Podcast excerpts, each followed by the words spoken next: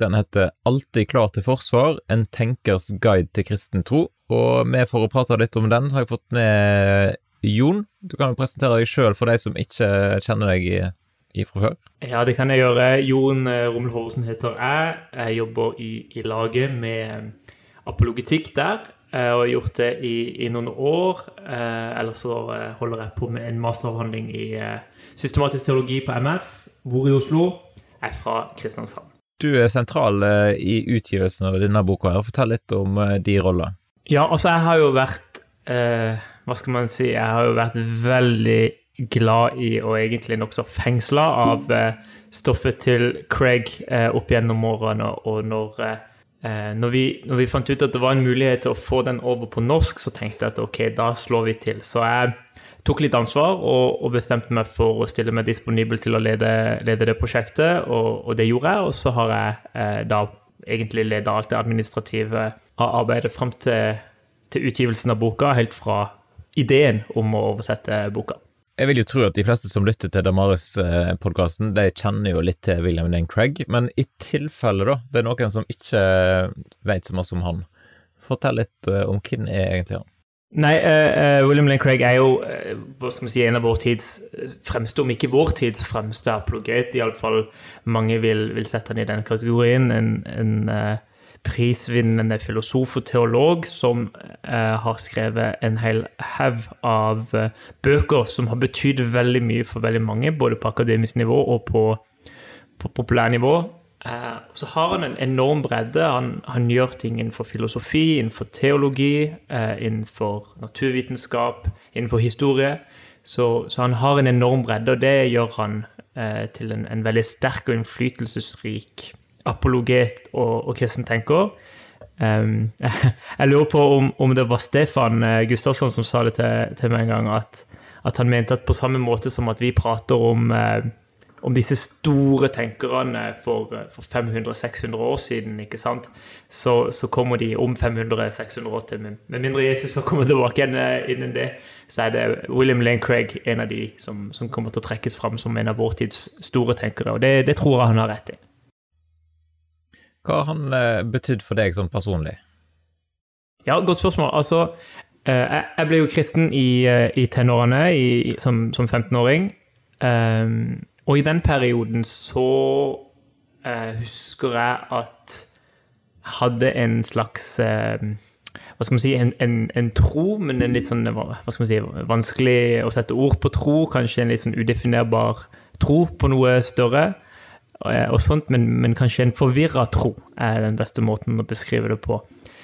Um, og så husker jeg at jeg ble presentert for apologetikk, at det er mulig å faktisk argumentere rasjonelt og saklig for den, den kristne troa.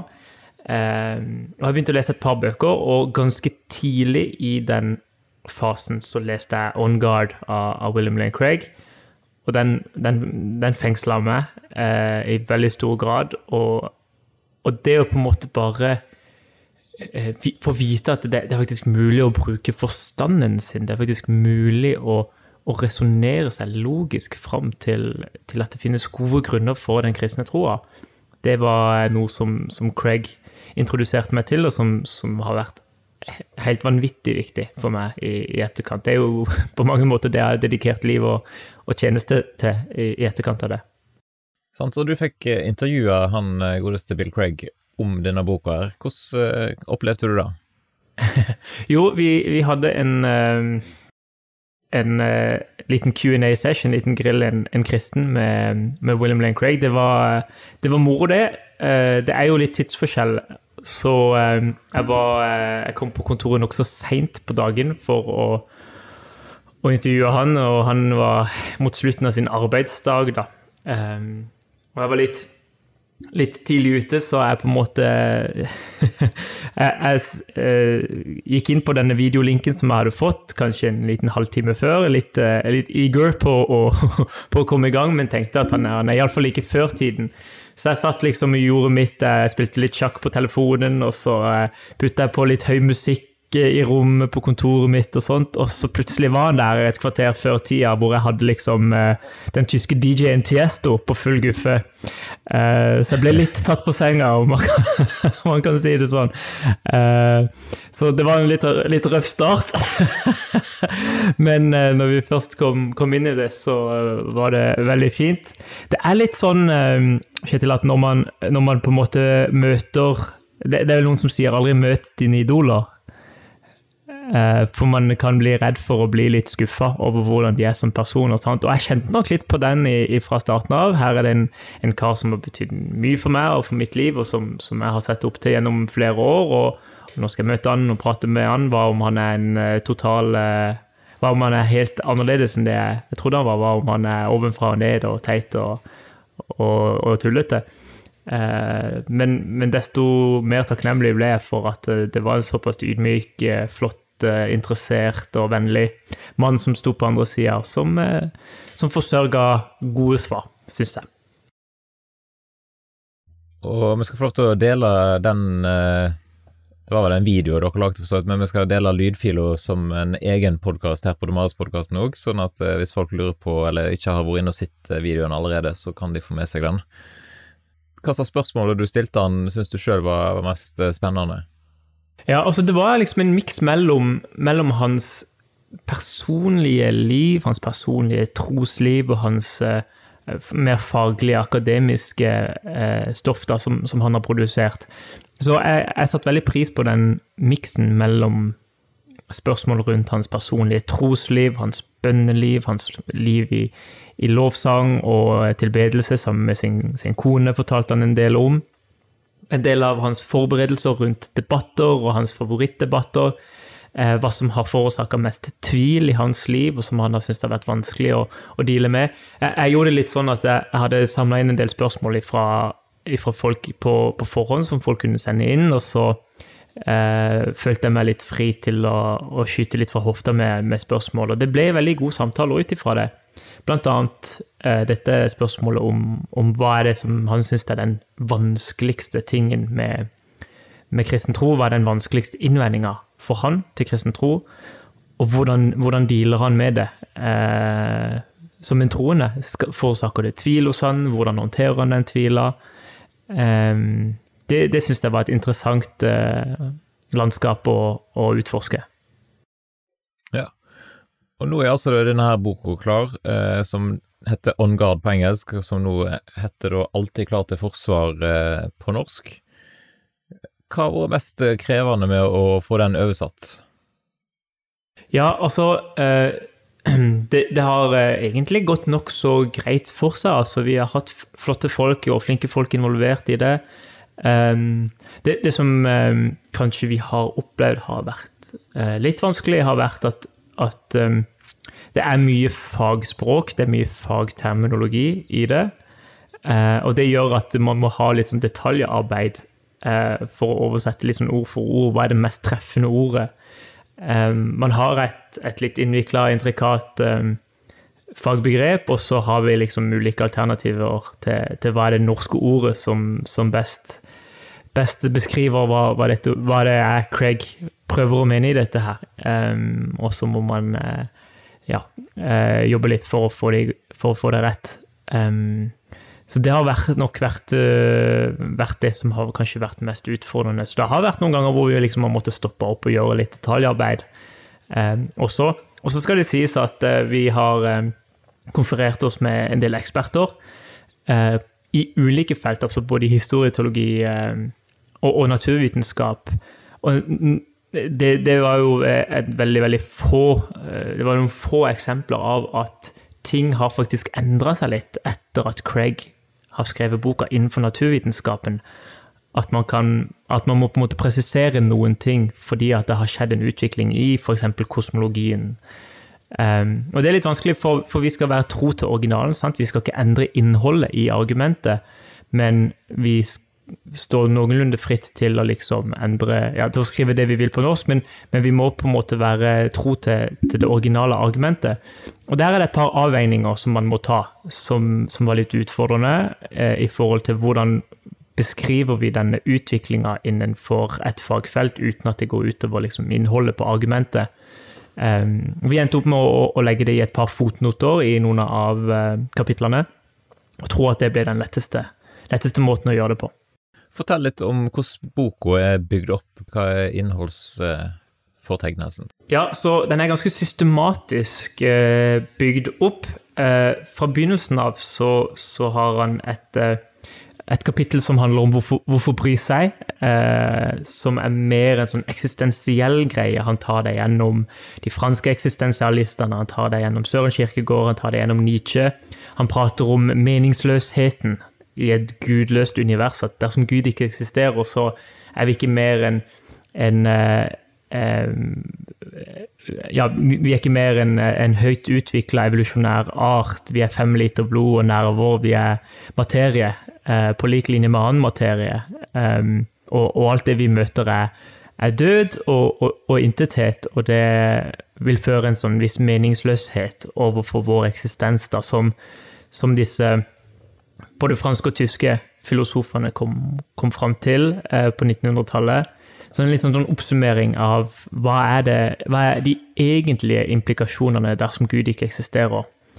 Eh, vi gir han mye tid til eh, fra starten av. Eh, men på den andre side så, så, argumenterer han for at Gud eksisterer, og det betyr at vi har mening, at vi har verdi, og at vi har en evig skjebne som, som kaster lys på hele vår eksistens, at vi er, vi er meningsfulle, vi er ikke i en meningsløs verden.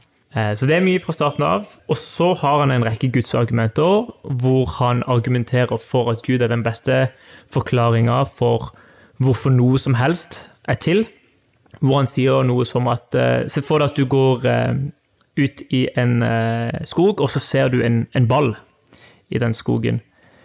Og så prater du og den du er på skogstur med, og så sier de hvorfor, hvorfor er den ballen der? Og så sier den andre nei, nei, den er bare der du vil jo ikke godtatt at den bare er der, og at den ikke har noe som helst opphav, den har ingen som helst forklaring bak seg. Og så sier han ok, ta og så eh, blås denne ballen opp til å bli større og større og større og større, og nå på størrelse med universet. Hvorfor skal du da eh, godta en forklaring om at universet bare er der uten noe som helst forklaring eh, bak det? Eh, det er den første måten han argumenterer for Guds eksistens på. Og Så går han videre og, og eh, kommer opp med et annet argument for Guds eksistens, hvor han argumenterer for at Gud er den beste forklaringa på begynnelsen av universet. Eh, det, som, det, som, ofte kalles for Kalam-argumentet, hvor argumentasjonen går ut på at alt som begynner å eksistere, må ha en årsak, og at universet har begynt å eksistere.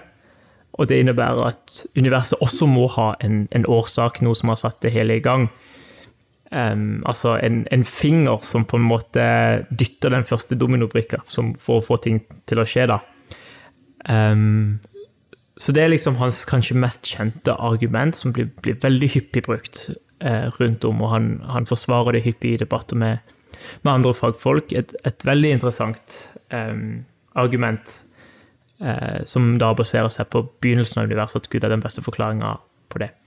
Og så argumenterer han for at Gud er den beste forklaringa for finjusteringer av, eh, av universet. At, at, strukturen ved The Big Bang tilsynelatende vitner om så mye design. Altså Det er så utrolig små endringer og justeringer som skal til ved strukturen av, av Big Bang, at at Gud, Gud tilsynelatende ikke blir et dårlig forslag da, eh, i møte med det overveldende inntrykket av design bak universet vårt. Og så til slutt så har han et eh, argument som går ut ifra moral, hvor han prater om at eh, vi, vi, lever som om rett og galt faktisk finnes, at det ikke er bare vår subjektive oppfatning. Eh, på samme måte som at noen har en subjektiv oppfatning om at sjokoladeis er bedre enn jordbæris eller lignende, men at det faktisk er noe som er rett, og, og det er noe som er galt alltid for alle. Og En sånn type objektiv moral lar seg ikke begrunne med mindre det finnes en, en gud, eh, en objektiv standard utenfor oss selv som, som definerer hva som er rett og galt, og ut ifra det så argumenterer han for at Gud eksisterer. Um, og Så responderer han på et par innvendinger. Det ondes problem tar han uh, opp, og, uh, og ja, kommer med en sånn teodicé, da, en slags uh, forsvar for at Gud kan eksistere i en verden full av ondskap. Og så handler det mye om, om, Jesus etter det. Både om Jesu oppstandelse og Jesus som, som eneste vei til Gud. Veldig mange store temaer som er trakt inn i ei bok der. Hvor mange sider snakker vi om? Ja, eh, det er en ganske fyldig bok, altså, eh, som tar for seg veldig mye. Til sammen så blir det et veldig sånn godt kumulativ case for, eh, for den kristne troa. Det, det er iallfall mange som, som, tenker at det er en overbevisende case for troa. Og den er på 287 sider. Nokså fyldige sider også, kan man si. Så det, det er nokså nok voksen bok. Men, uh, men uh, dette her er jo hans populærvitenskapelige, eller populærnivåbok. Uh, mye av det samme materialet finner du i hans bok 'Reasonable Faith', som er langt mer akademisk av natur. Så det, den er absolutt overkommelig for, for, både ungdommer og for voksne, denne her. Men, men ja, man, man, man er, han er grundig. Eh, samtidig som at det ikke er for detaljorientert, at man gjesper seg gjennom 287 sider. Men, eh, men, men, grundighet er jo bare noe som er helt topp, så vi, vi tenker at dette her er en, en godt antall bok. Du sier ungdom og voksne. Eh, hvor langt ned i ungdomsalderstrinn tenker du at han funker for? Ja, altså, det er, jo, det er jo litt vanskelig å si. Noen, noen ungdommer er vant, vant til å lese mye og, og har mye eh, mye bakgrunnskunnskap, men det er ikke en bok som man trenger så veldig mye bakgrunnskunnskap om fra før av. Eh, den forutsetter ikke mye bakgrunnskunnskap, så jeg tenker at, at folk som er 15-16 eh, Jeg var vel 15-16 da jeg begynte å lese, kanskje 17. Eh, kan, kan, godt forstå det. Mange, mange, av de vil nok forstå mye av innholdet. Kanskje ikke alt, men, eh, men da kan du jo spørre noen. Eh, samtidig så er han ikke han er ikke for eh, enkel for voksne heller. Jeg tror at også voksne vil, vil, tenke at dette her er noe som jeg må bryne meg litt på. Og Det er jo litt det som er, er gøy med apologitikk også, at, at, for ganske mange kristne så er apologitikk noe de kanskje ikke har utforska i så veldig stor grad før. Eh, og da er det liksom ikke så viktig hvor gammel man er, fordi at det, det er nytt stoff uansett. Eh, så jeg, jeg, for min egen del bruker veldig mye av det samme materialet når jeg prater til voksne, som når jeg prater til, til unge. Så jeg tror at dette kan bli en slager for, eh, for, for voksne, og så for, for, ungdom helt ned i ja, 15-16-årene. Om man er yngre enn det, så, så, kan det hende at man må jobbe litt for å wrap your head eh, rundt materialet. Ja. Sant. Er det blitt lagt noe studieopplegg til boka for bibelgruppe og lignende? Ja, det har ikke jeg så mye med å, eh, å gjøre, men det er iallfall lagd en sånn en nettplattform mener jeg om, om, den er lagd, eller om den er i ferd med å bli lagd.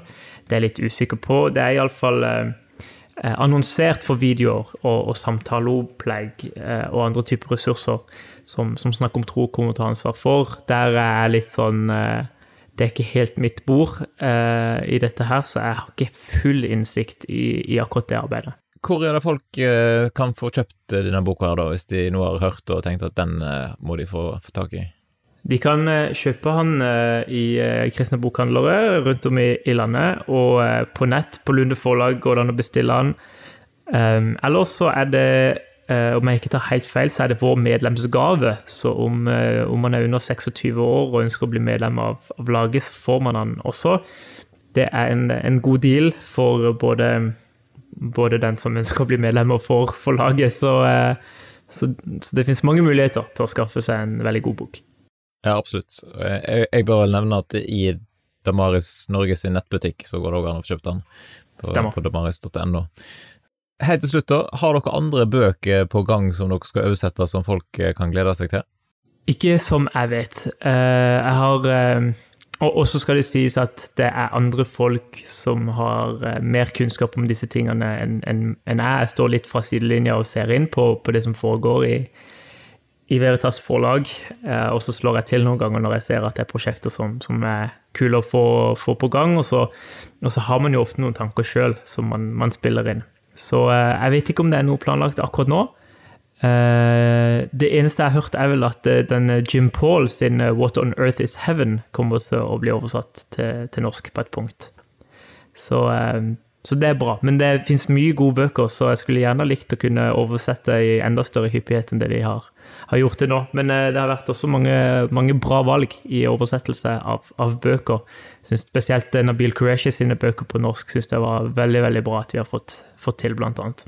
Yes, Nei, men Supert. Da sier vi takk for at du var med på denne praten her, og så håper vi at mange har lyst til å sjekke ut eh, boka, som altså heter Alltid klar til forsvar. Så sier vi tusen takk for at du var med på denne podkastpraten her, Jon, og så håper vi da at det kommer mange spennende bøker framover. Det gjør vi. Takk for nå.